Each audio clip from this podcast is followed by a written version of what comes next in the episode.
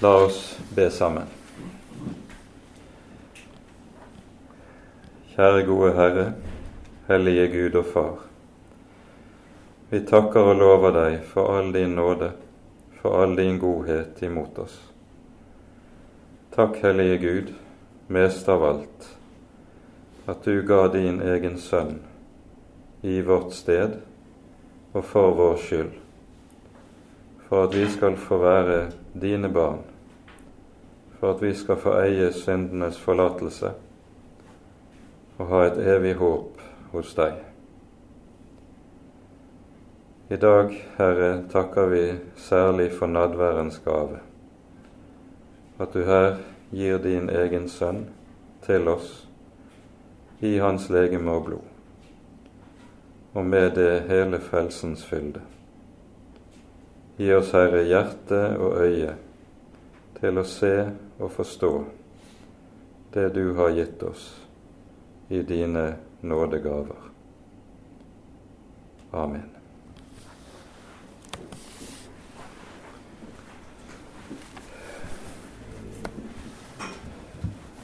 Som eh, nevnt innledningsvis, så er det altså slik at det som har med nadværen å gjøre, kom til å bli et av de helt sentrale stridstemaene under reformasjonen, og også i tiden eh, århundrene efter.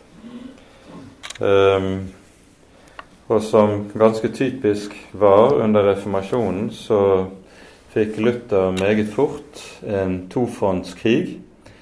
Eh, først eh, oppgjøret med den romersk-katolske kirke. Eh, og så kom oppgjøret med svermerne og eh, det som kalles eh, den spiritualisme som gjorde seg gjeldende i svermerbevegelsen, og senere da førte ordet først og fremst gjennom Svingli og senere Calvin. Disse to som ble regnet som Sveits reformatorer. Det som kjennetegner Luther i hele hans måte å tenke på, og som også blir helt avgjørende for reformasjonen, det er at nøkkelen til å forstå nattværen og hva vi eier i nattværen, det er innstiftelsesordene. Og i Luthers utleggelse av innstiftelsesordene ser vi veldig tydelig noe som er helt karakteristisk for Luther. Han arbeider meget grundig med bibelteksten, og bibelteksten skal være avgjørende for hvordan teologien tenker, tror og forkynner. Og det gjelder helt uavhengig av hva mennesker ellers måtte mene og tenke eh, om hva som er mulig og ikke. Luther er radikalt bibellydig i, sin, eh, i sitt forhold til Skriften, og han går hele tiden der Skriften tar han, uten så å si å se verken til høyre eller til venstre. Og Det er dette som gjør eh, Luther så radikal og til dels også så kompromissløs som han ofte viser seg i kampsituasjoner. Dere vet alle at eh, avsnittet om nadværen det er også et av de fem hovedavsnittene i Lille katekisme. Opprinnelig var det ikke sånn. Eh, den første utgaven av Lille katekisme, som kom i 1529, den eh, inneholdt bare tre hovedavsnitt. Budene, eh, trosartiklene og Fader vår. Dette var det som eh, hvert menneske som ville kalles kristen, måtte kunne. Det var helt klart. Men allerede året etterpå legger Luther til to avsnitt til, nemlig om dåpen og om nattværen, og dette som utleggelse av tredje trosartikkel. Og så i de endelige utgavene som kommer eh, nokså fort etter dette igjen, legges det til et avsnitt om boten eller skriftemålet. Så kommer hustavlene og eh, forslag til bønner som de troende kan be hjemme. Aftenbønn, morgenbønn, bordbønn osv. Og Lille katekisme ble i begynnelsen ikke utgitt som eh, en liten bok eller et lite hefte, men det ble utgitt i form av plakater som eh, kunne henges opp på veggen i hjemmet, og som man alltid derfor skulle ha for øye. Eh, og så kunne en øve seg i dette daglig. Det sies jo i innledningen til katekismen hvorledes en husfar på enfoldig vis skal lære sine barn og husfolk. Og så skulle dette da henge på veggen i ethvert kristent hjem, var tankegangen. Og her i Lille katekisme så finner vi altså eh, avsnittet om nadværen som eh, det femte hovedavsnittet. Og eh, vi tar oss tid til å lese det som eh, står i innledningen her. Først stille spørsmålet hva er nadværens sakrament? Det er vår Herre Jesu Kristi sanne legeme og blod, under brødet og vinen, som Kristus selv har innstiftet for at vi kristne skal ete og drikke det. Meget enkle ord. Og Samtidig, når du kjenner bakgrunnen for eh, i det som har skjedd de siste 10-11-12 årene før dette ble skrevet, vil du se at disse enkle ordene bærer i seg en veldig teologisk tyngde. Vi skal komme tilbake til det. Han fortsetter med neste spørsmål hvor står dette skrevet? Slik skriver de hellige evangelister Matteus, Markus, Lukas og apostelen Paulus. Og så får vi de innstiftelsesordene slik de leses eller synges i Kirken, og som er en eh, hva du kan kalle for en eh, synopse, en samarbeiding av Eh, innstiftelsesordene som vi finner i disse fire utgavene i Det nye testamentet. De er litt, litt forskjellige, både i Matteus, Markus og Lukas, og mer fullstendig i første Korinterbrev hos Paulus. Men disse er sydd sammen, så vi har en fullstendig eh, utgave da i innstiftelsesordene som vi finner det i liturgien i Kirken. Vår Herre Jesus Kristus, i den natta han ble forrådt, tok han brødet, takket og brøt det, ga sine disipler og sa, Ta dette og et det. Dette er mitt legeme som gis for dere. Gjør dette til minne om meg. Likeså tok han kalken etter aftensmåltidet, takket, ga dem og sa:" Ta denne og drikk alle av den. Denne kalk er den nye pakt i mitt blod, som utgytes for dere til syndenes forlatelse. Gjør dette så ofte som dere drikker det, til minne om meg.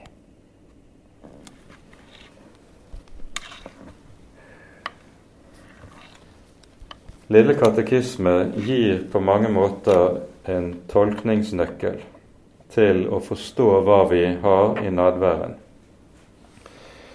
Og bakteppet ligger her i oppgjøret som Luther har vært igjennom i de ti årene som ligger forut.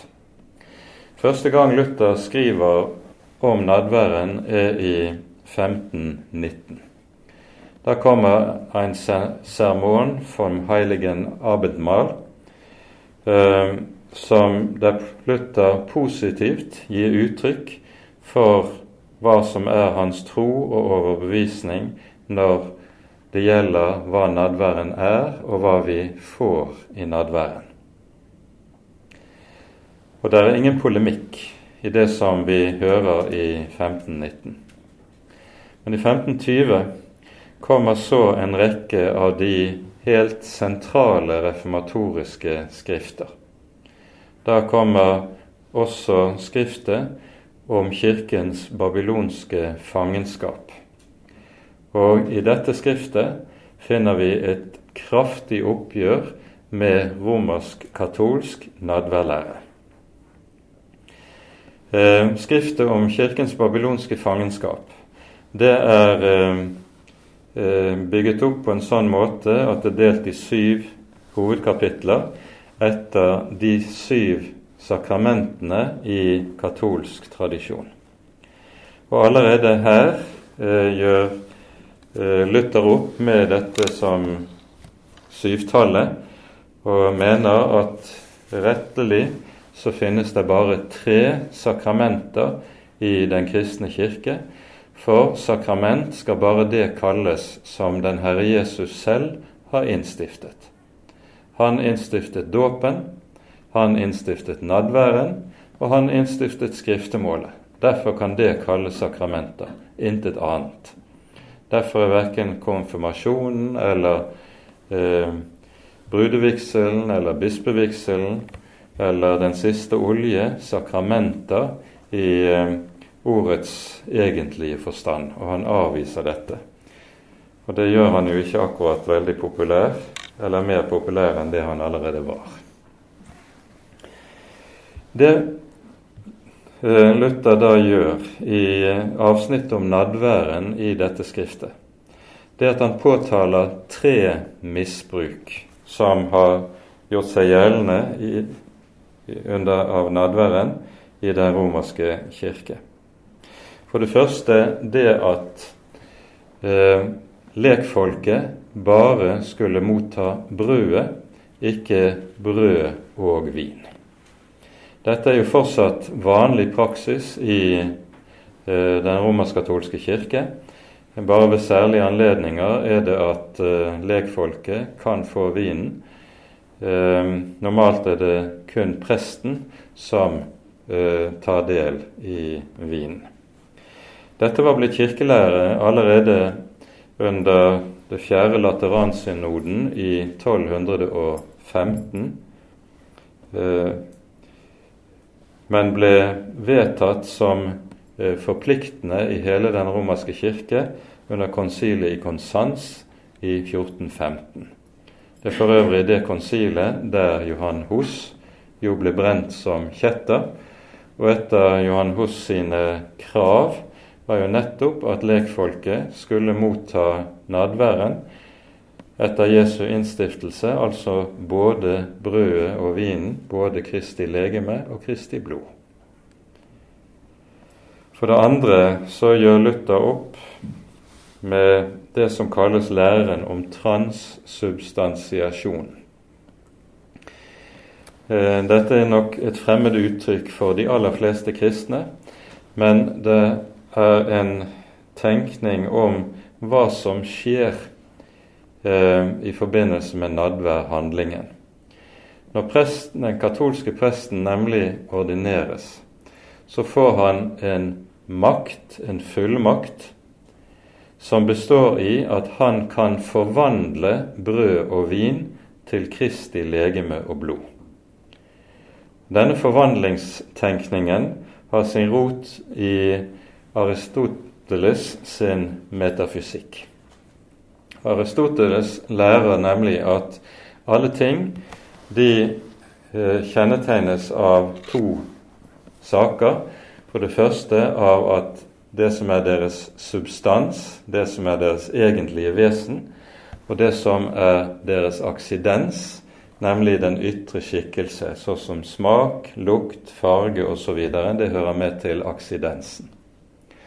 Og det som eh, eh, vedtas som katolsk kirkelære eh, under Laterankonsilet, er at substansen forvandles i brødet. Det er ikke lenger brød, men det er Kristi legeme. Det er ikke lenger vin, men det er Kristi blod. det ser bare ut som brød og ser bare ut som vin. Det er altså en forvandlingstenkning som bygger på en bestemt, bestemte filosofiske premisser, noe som Luther med stor styrke hevder dette er fremmed for hele Bibelens måte å tenke på. Det er det andre som Luther tar for seg i dette skriftet. Det tredje det er imidlertid det mest alvorlige det er læren om messeofferet.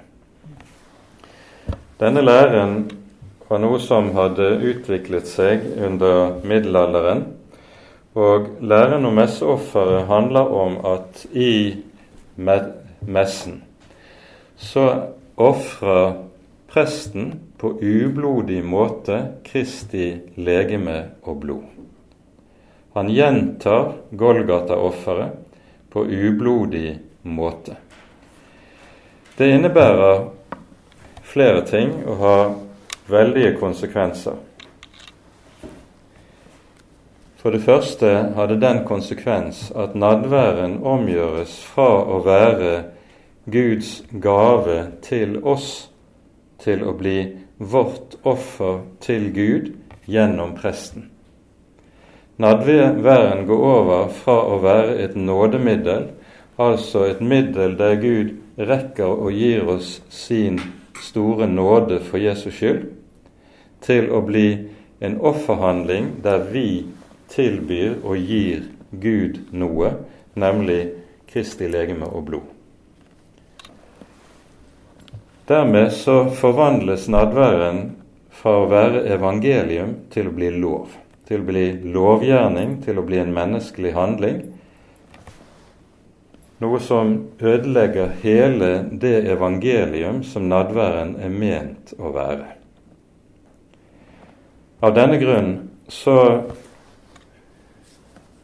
kommer Luther aldri til å bruke så sterke ord om noe under reformasjonen som han gjør når det gjelder den katolske nadværlæren. Det er den aller største vederstyggelighet som er oppfunnet av Antikrist. Han kan så godt som ikke legge bånd på seg når det gjelder hvor sterke ord han kan anvende for å karakterisere det som er skjedd med læren om messeofferet. Dette henger jo da sammen med at den katolske presten er en offerprest på gammeltestamentlig vis. Akkurat som Prestene i Det gamle testamentet var Gud kalt til og innsatt til å ofre i tempelet. Slik var den katolske prest det nøyaktig det samme. I dette ligger jo at presteembetet i luthersk tradisjon kommer til å bli noe helt annet. Det er ikke presten i luthersk tradisjon. Han er ikke offerprest. Han er ordets tjener. Han er en tjener som er satt til å forvalte Guds ord og dele Guds ord ut til menighetene for å gi evangeliet til menneskene for at de skal bli frelst. Det er altså en grunnleggende annerledes forståelse av prestetjenesten som også hører sammen med dette. Det som er sentralt i hele den evangelisk-lutherske måten å tenke på er altså at nadværen er et nådemiddel. Nadværen er nøyaktig det som sies i innstiftelsesordene. Dette er den nye pakt i mitt blod som utgytes for dere til syndenes forlatelse. Det er syndenes forlatelse du mottar i nadværen. Det er altså tale om evangelium. Det som vi mottar i dette nådemiddel, det er to ting. Vi mottar syndenes forlatelse, og vi mottar Kristi legeme og blod. Det som kalles for realpresensen, det at Jesus er virkelig til stede med sitt eget kropp, med sitt eget blod, i nadværelementene. Det kommer vi tilbake til. Det læren om messeofferet gjør, det er at den altså snur alt på hodet. Den gjør evangeliet om til lov. Den gjør det som er Guds gave, om til en menneskelig offer. Og enda verre, når presten skal frembringe slike offer som han gjør i forbindelse med messeofferet, så innebærer dette at man egentlig sier at Jesu offerdød på Golgata var ikke tilstrekkelig til frelse. Det må mer offeret til. Det sies uttrykkelig i oppgjøret med, med reformasjonen under motreformasjonens tridentile konsil at det offer som frembæres i nadværen, er et offer for levende og døde. For levende og døde. Det er et offer som skal utvirke at det gis synsforlatelse både til mennesker som lever her i tiden, og til døde, nemlig de som er i skjærsilden. Og at dette ikke er kirkelære som er forlatt, eh, det var det et sterkt eksempel på i eh, det katolske tidsskriftet St. Olav eh, skrev i 1980 en artikkel der eh, eh, man ville ha en eh, bønneaksjon for eh, eh, Nei, man kalte det for et bønnekorstog for sjelene i skjærsilden.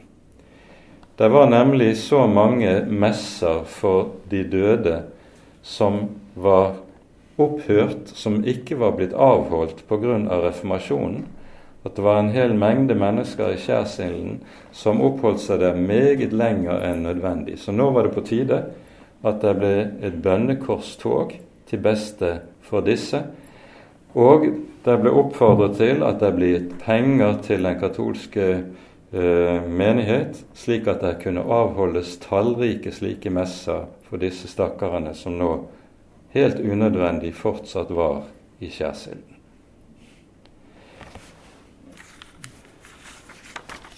Man kan undre seg over dette, men dette er altså fortsatt aktuell romersk kirkelære.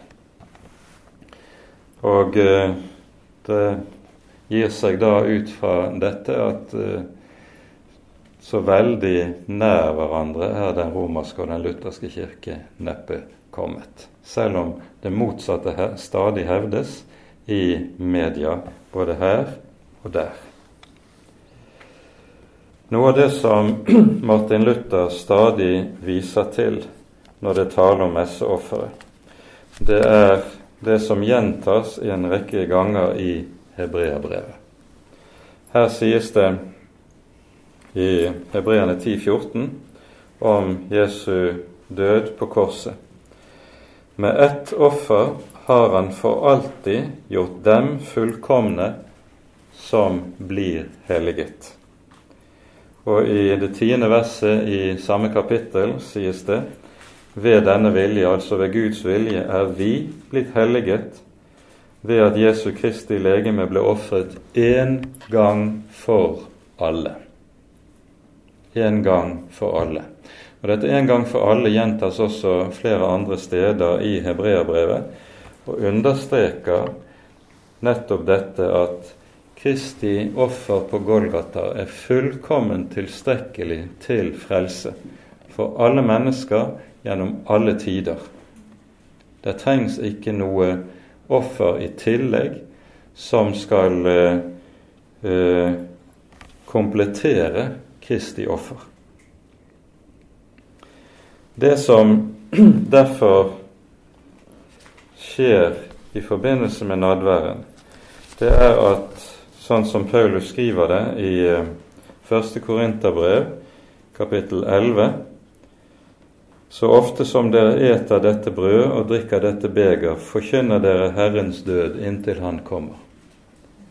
Nadværen er i tillegg til at vi her mottar denne nåde som Gud rekker oss, så er den en forkynnelse av Jesu død, hva denne innebærer. Dette helt grunnleggende som Paulus formulerer slik i Galaterbrevet om Herren Jesus. Han er den som elsket meg og ga seg selv for meg. Det er frelsens grunn. Det er det som holdes frem i selve nadværmåltidet. Her kommer det dermed til å bli slik at det reformasjonen også fører med seg, er at du får en endring i hele terminologien, eh, ordbruken rundt nadværen. Det som er vanlig i romersk tradisjon, er at man bruker ordet eukaristi om eh, nadværen. Eukaristi, det betyr takkoffer. Og eh, tanken er da den at det et, skjer et offer i nadværen, og det er også et takkoffer som skjer i nadværen.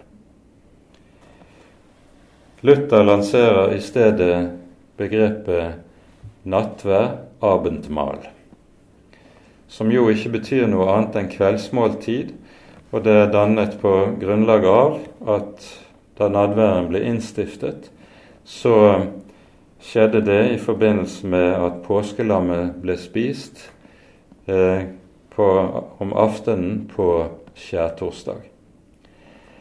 Der kommer også inn et annet ord som uh, sier det, uh, eller griper annet, en annen side ved dette. Det er ordet kommunion. Uh, det betyr fellesskapsmåltid. I første Korinterbrev sies det i det tiende kapittel følgende Vi leser vers 16 og vers 17. Velsignelsens beger, som vi velsigner, er det ikke samfunn med Kristi blod. Brødet som vi bryter, er det ikke samfunn med Kristi legeme. Fordi det er ett brød, er vi ett legeme, enda vi er mange. For vi har alle del i det ene brød. Her understrekes fellesskapssiden ved nadværen. Nadværen gir for det første fellesskap med den Herre Jesus Kristus selv, og for det andre er det fellesskapsformidlende i menigheten. Nadværen er enhetens måltid. Dette understreker vi jo i forbindelse med nadværhandlingen hos oss når vi innbyr til nadværen, der vi sier hvem nadværen er for, og så sies det også på slutten av nadværinnbydelsen at nadværen også gir eh, fellesskap med den Herre Jesus Kristus og med de troende imellom i menigheten. Og Dette har også veldig betydning når det gjelder det som har eh, med økumenikk å gjøre i det det jo er slik at det å kunne feire nadvær sammen, det er uttrykk for åndelig enhet. Av denne grunn er det f.eks. ikke, ikke nadværfellesskap mellom den romerske og den lutherske kirke. Lutheranere kan ikke gå til nadvær i den romerske kirke, og katolikker, selv om nadværbordet eh, ofte åpent nadværbord i de lutherske kirkene, så kan katolikker i prinsippet ikke gå til nadvær i den lutherske kirke. Det samme gjelder også i forhold til de reformerte kirkene. Du har den samme forskjellen også der. Nadværen er enhetsmåltidet. I det det er slik at når du går frem til nadværbordet og kneler ved siden av de andre i menigheten, så sier du samtidig også med dette vi er ett. Vi er ett. Og det er uhyre viktig å være klar over. Vi skal ikke gå mer inn på akkurat det i denne sammenheng, men det er altså slik at med disse nye begrepene eller benevnelsene som føres inn under reformasjonen, så vil en gripe med dette hva saken handler om. I samme sammenheng eh, er både Luther og reformasjonen uhyre nøye på å skille mellom to andre begreper, nemlig ordene sakrament, sakramentum og sakrifisium. Eh, vi møter eh, en kraftig understrekning av forskjellen på disse to i apologien til den augsburgske bekjennelsen i artikkel 4.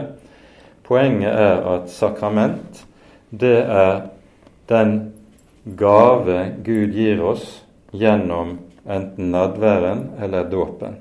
Der rekker Gud oss sin nåde. Men sakrifisium, det er offer. Det er en handling som mennesket gjør, og som er rettet oppad. Sakramentum er det som går fra Gud ovenfra til oss. Sakrifisium, det er det som går fra oss og er rettet oppad mot Gud. I en kristen gudstjeneste vil det alltid være begge disse bevegelsene. I nådemidlene møter vi det som går fra Gud til oss. Det skjer der evangeliet lyder. Det er det som kommer ovenfra og rekker oss Guds nåde. Det skjer altså under prekenen. Det skjer i dåpen, der barnet tas til Guds barn. Dåpen er rent og ublandet evangelium. Og det skjer i nadværen.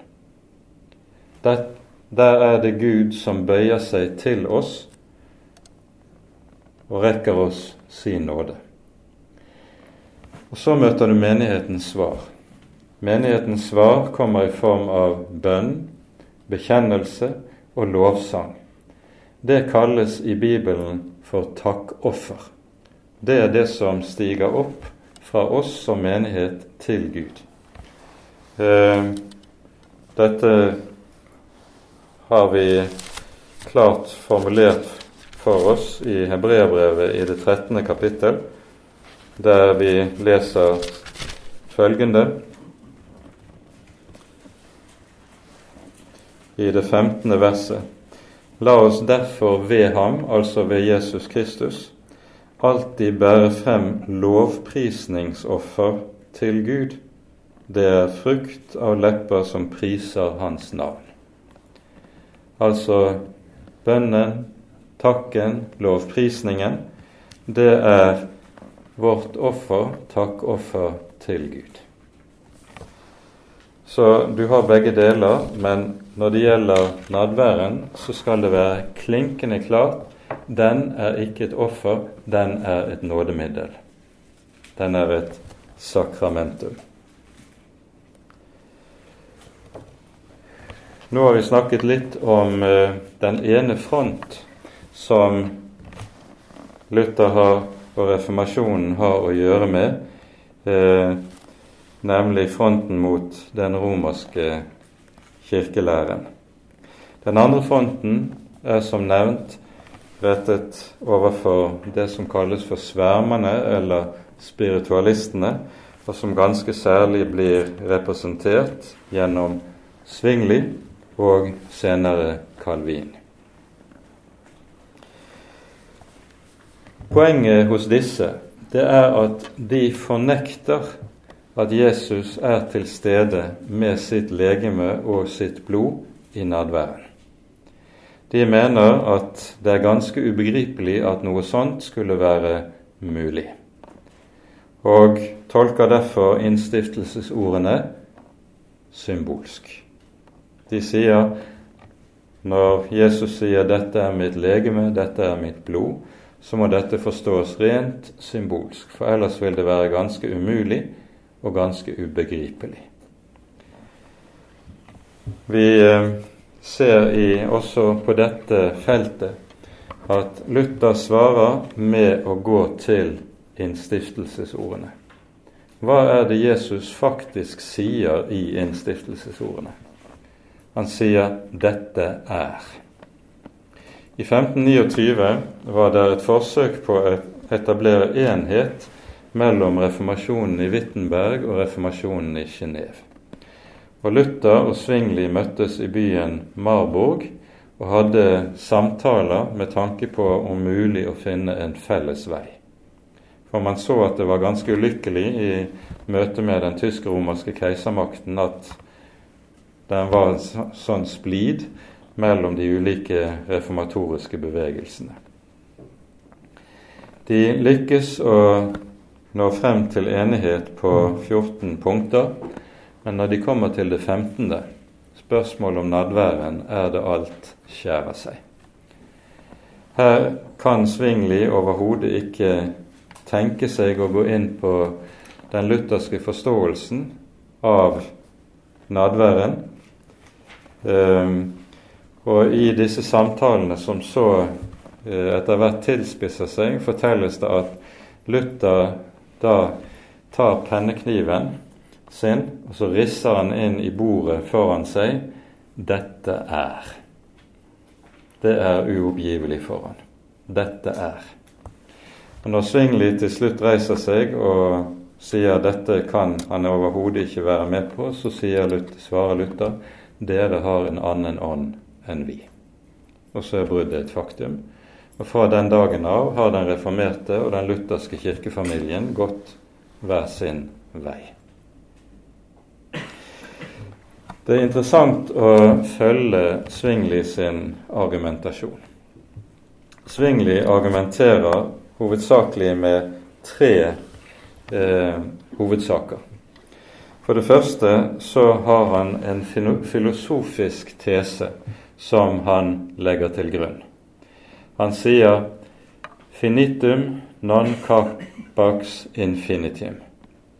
Det betyr det endelige kan ikke romme det uendelige. Altså et lite stykke brød, noen få dråper vin, kan umulig romme Han som er den allmektige, Han som har all makt i himmel og på jord. Noe sånt er ganske umulig. Det er Svinglis første hovedargument. Svinglis sitt annet hovedargument det er at han sier det er umulig at Jesus kan være til stede i brødet og vinen, for etter himmelfarten så sitter han jo ved Guds høyre hånd i himmelen. Så kan Jesus muligens da være til stede på åndelig måte i brød og vinen, men slett ikke med sitt legeme. Legemlig så sitter han ved Guds høyre hånd i himmelen. Det er hans andre argument. Det tredje argumentet til Svingli det er at han viser til Johannes eh, 6,63, der det står det er Ånden som gjør levende, kjødet gagner intet. Følgelig så kan det ikke gagne noe som helst om Jesus skulle være legemlig til stede i nadværen. Nadværen må forstås åndelig, for det er bare det åndelige som har noen betydning. Hvordan svarer Luther på dette? Det Luther gjør, det er at han svarer med å parallellføre dette med inkarnasjonen. Han sier for det første Dersom det er sant at det endelige ikke kan romme det uendelige, da kan Gud heller ikke bli menneske i Kristi person. Dersom denne tesen som Svingli bygger på, overhodet holder mål, da innebærer det en fornektelse av hele inkarnasjonen, og dermed også en fornektelse av hele frelsen. For dersom Gud ikke er blitt menneske, da gis det ingen frelse.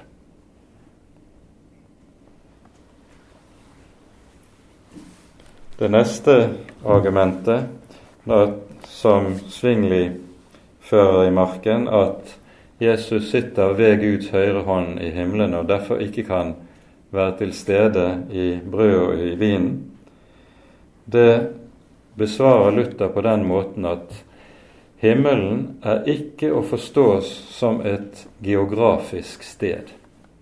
I stedet er det slik at det å ha sete ved Guds høyre hånd, det er det bibelske uttrykk for å ha all makt i himmel og på jord.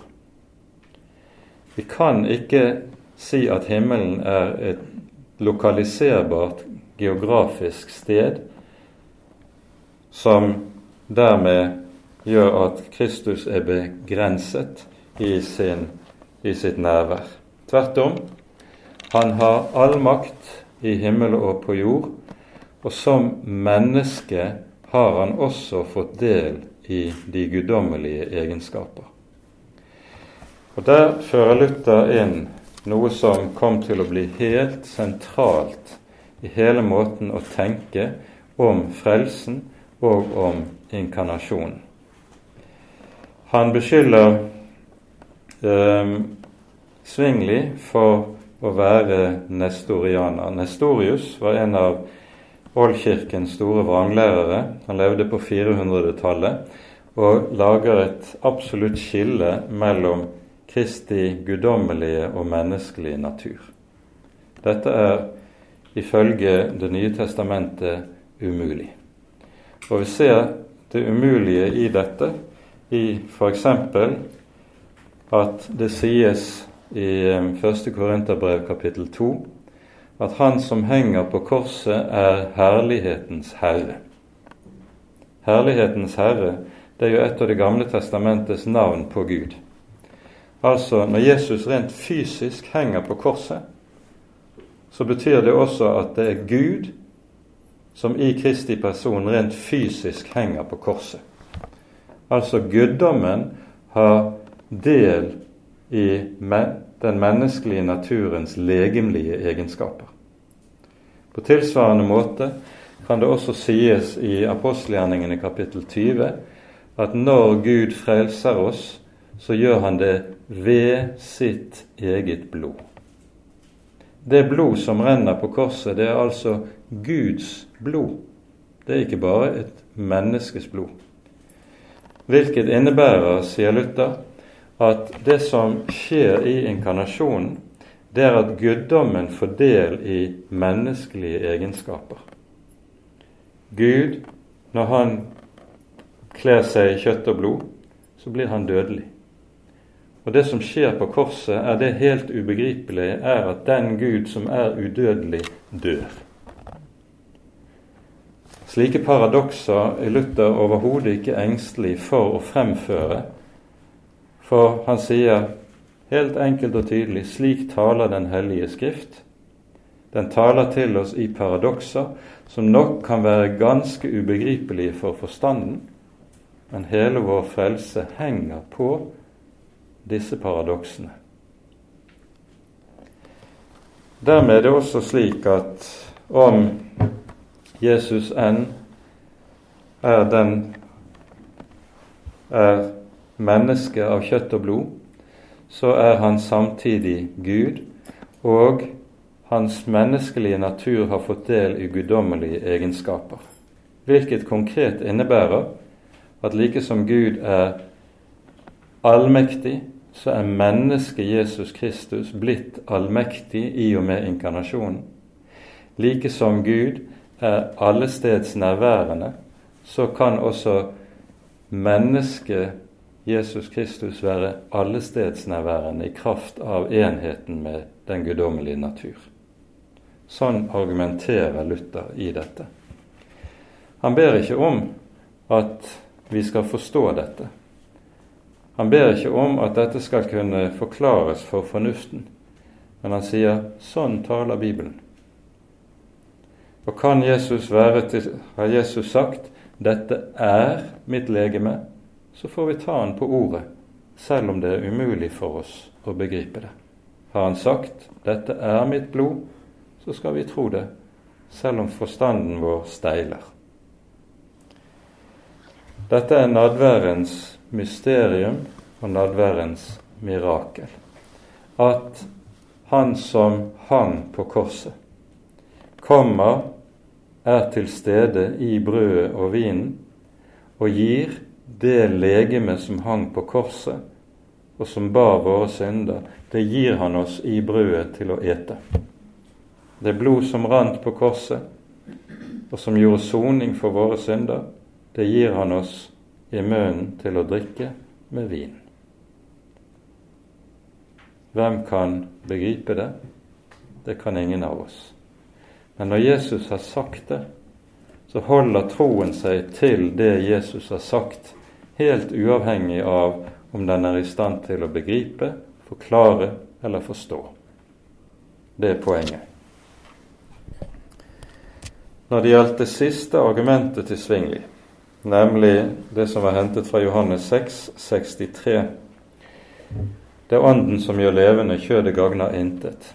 Så kan Luther meget enkelt avvise dette med at han kan peke på at denne måten å forstå forskjellen på kjød og ånd, det er en måte som er fullstendig fremmed for Bibelen. Kjød betegner i Bibelen ikke materie, men betegner det som den natur som er underlagt syndens makt og herredømme. Mens ånd, motsatt, er den det som ikke er underlagt synden, men som er skapt av Den hellige ånd. Det som ligger bak Svinglis eh, innvending her, det er at han er eh, bestemt av den gamle greske tenkningen, som nettopp eh, tegner et motsetningsforhold mellom ånd og materie. I gresk tenkning var det jo slik at forløsningen handlet om å bli fri fra den materielle virkelighet. Hos Platon og forløses til å komme inn i ideenes verden. I nyplatonismen så skulle en løses fra den rent legemlige eksistensen, for det var det som var trelldommen. Slik tenker ikke Bibelen. Bibelen tenker i stedet sånn at materien den skapte virkelighet, den er gitt av Gud, og den er god. Og det Gud gjør når Han skal frelse, det er at Han benytter oss nettopp av den skapte virkelighet, av skapte ting. Det Gud selv har skapt, det anvender Han for å kunne frelse oss. Og Dette kommer aller tydeligst til syne nettopp i forbindelse med sakramentene. Han anvender vann som et frelses- og gjenfødelsesmiddel for oss i dåpen. Det er ikke åndelig vann, det er legemlig, fysisk vann som han knytter sitt løfte til. Og på samme vis i Den hellige nattverd. Han anvender brød og vin, skapte ting fra materiens verden, som blir frelsesmidler i og med og i kraft av Kristi ord og Kristi løfte. Det er poenget.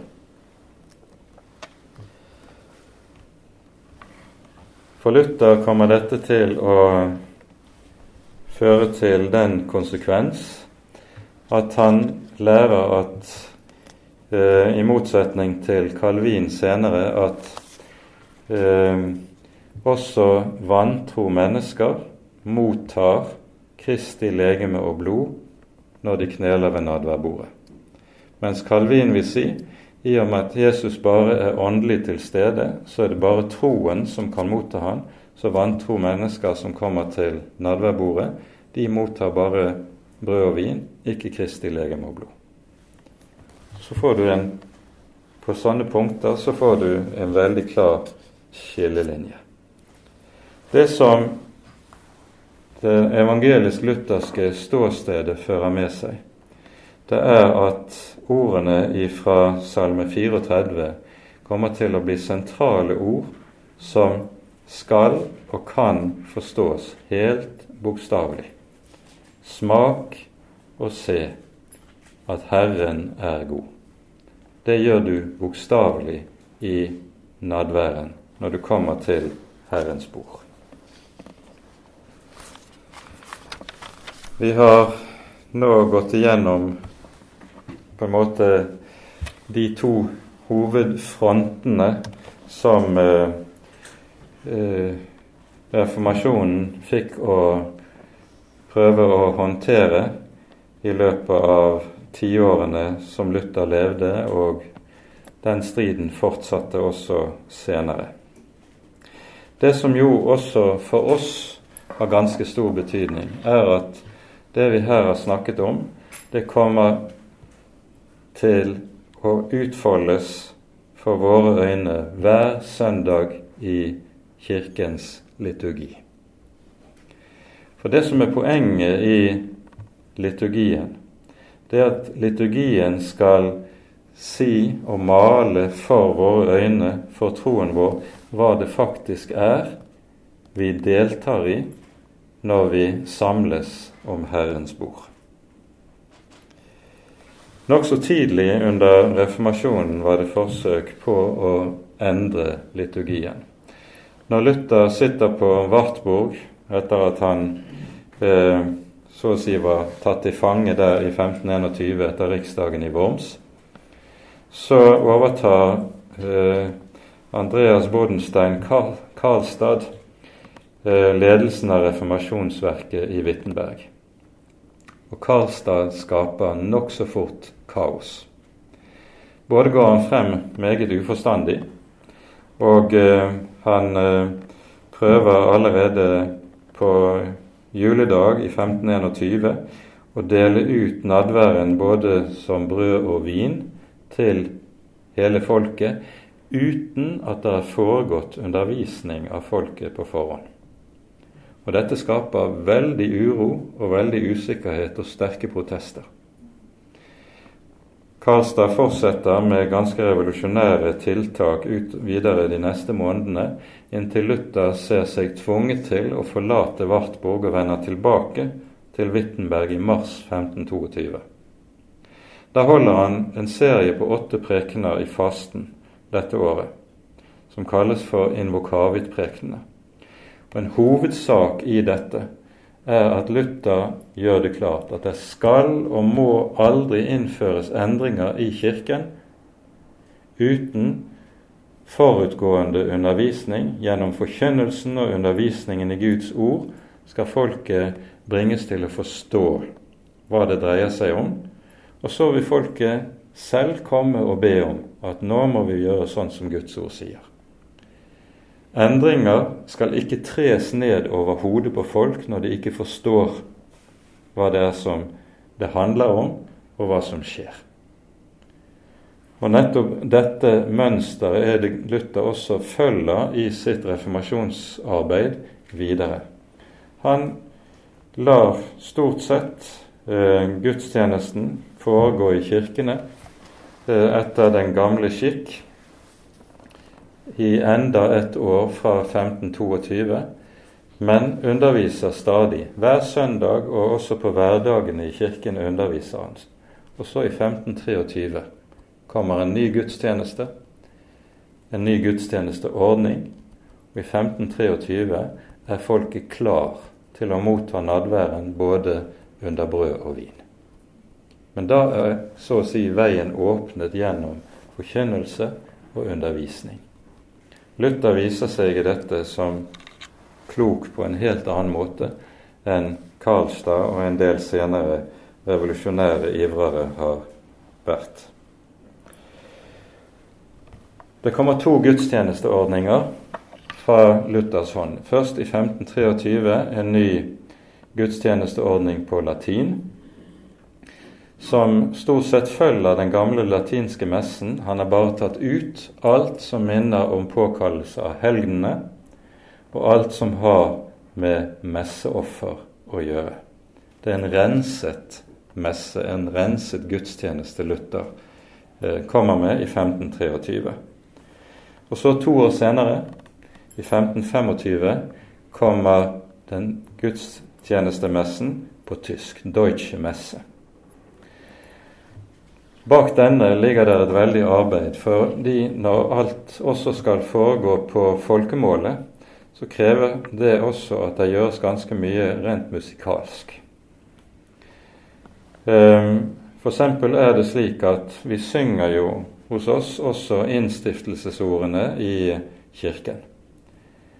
Dette er toner som er laget av Luther selv, med tanke på at innstiftelsesordene skulle kunne synges på tysk. Og det har ikke vært veldig vanskelig å overføre det til de nordiske språkene. Og Når innstiftelsesordene skulle synges, så var det fordi at alle de viktigste tingene som blir sagt i gudstjenesten, de skulle nettopp synges. Det at det ble sunget, understreket betydningen og vekten av det. Luther satte dette Det var åtte forskjellige tonespråk, eller kirketonearter, som var i anvendelse. Og Luther mente at innstiftelsesordene skulle lyde på den femte av disse kirketoneartene, den lydiske.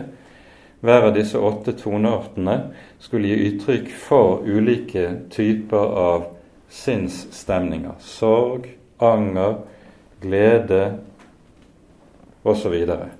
Den femte kirketonearten den skulle nettopp gi uttrykk for gleden. Og det var det som skulle være tonearten som nadværens innstiftelsesord ble sunget på. Poenget hos Luther det er det som også ble sagt allerede av Augustin. Det er at det er Jesu innstiftelsesord som er de avgjørende ordene i forbindelse med Den hellige nattverd. Det er innstiftelsesordene som er Jesu ord og løfte, og i kraft av dette ord og løfte er det Jesus kommer er til stede og er nærværende i brødet og i vinen. Augustin sa det slik ordet kommer til elementet og skaper sakramentet. Og det som skjer for nadværgjestene, er at nad, Nadværgjestene tror dette ord. De tror ordet når Jesus sier 'Dette er mitt legeme'. 'Dette er mitt blod'. De tror Jesu ord som sier 'Dette gis for dere til syndenes forlatelse'. Og så kommer Guds folk sammen og tar imot Herrens gaver på denne måten. Det som alltid har vært det mest sentrale i den lutherske kirkes måte å tenke om nadværen på, det er nettopp det vi kaller for realpresensen. Nemlig dette at Jesus er virkelig til stede med sitt legeme og blod i brødet og i vinen. Og Det understrekes også i gudstjenesteliturgien på forskjellig måte. Det understrekes på den måten at når nadværen deles ut, så sies det 'dette er Kristi legeme'. Dette er Kristi blod, f.eks. Eller som vi ofte gjør det hos oss Kristi blod gitt for deg.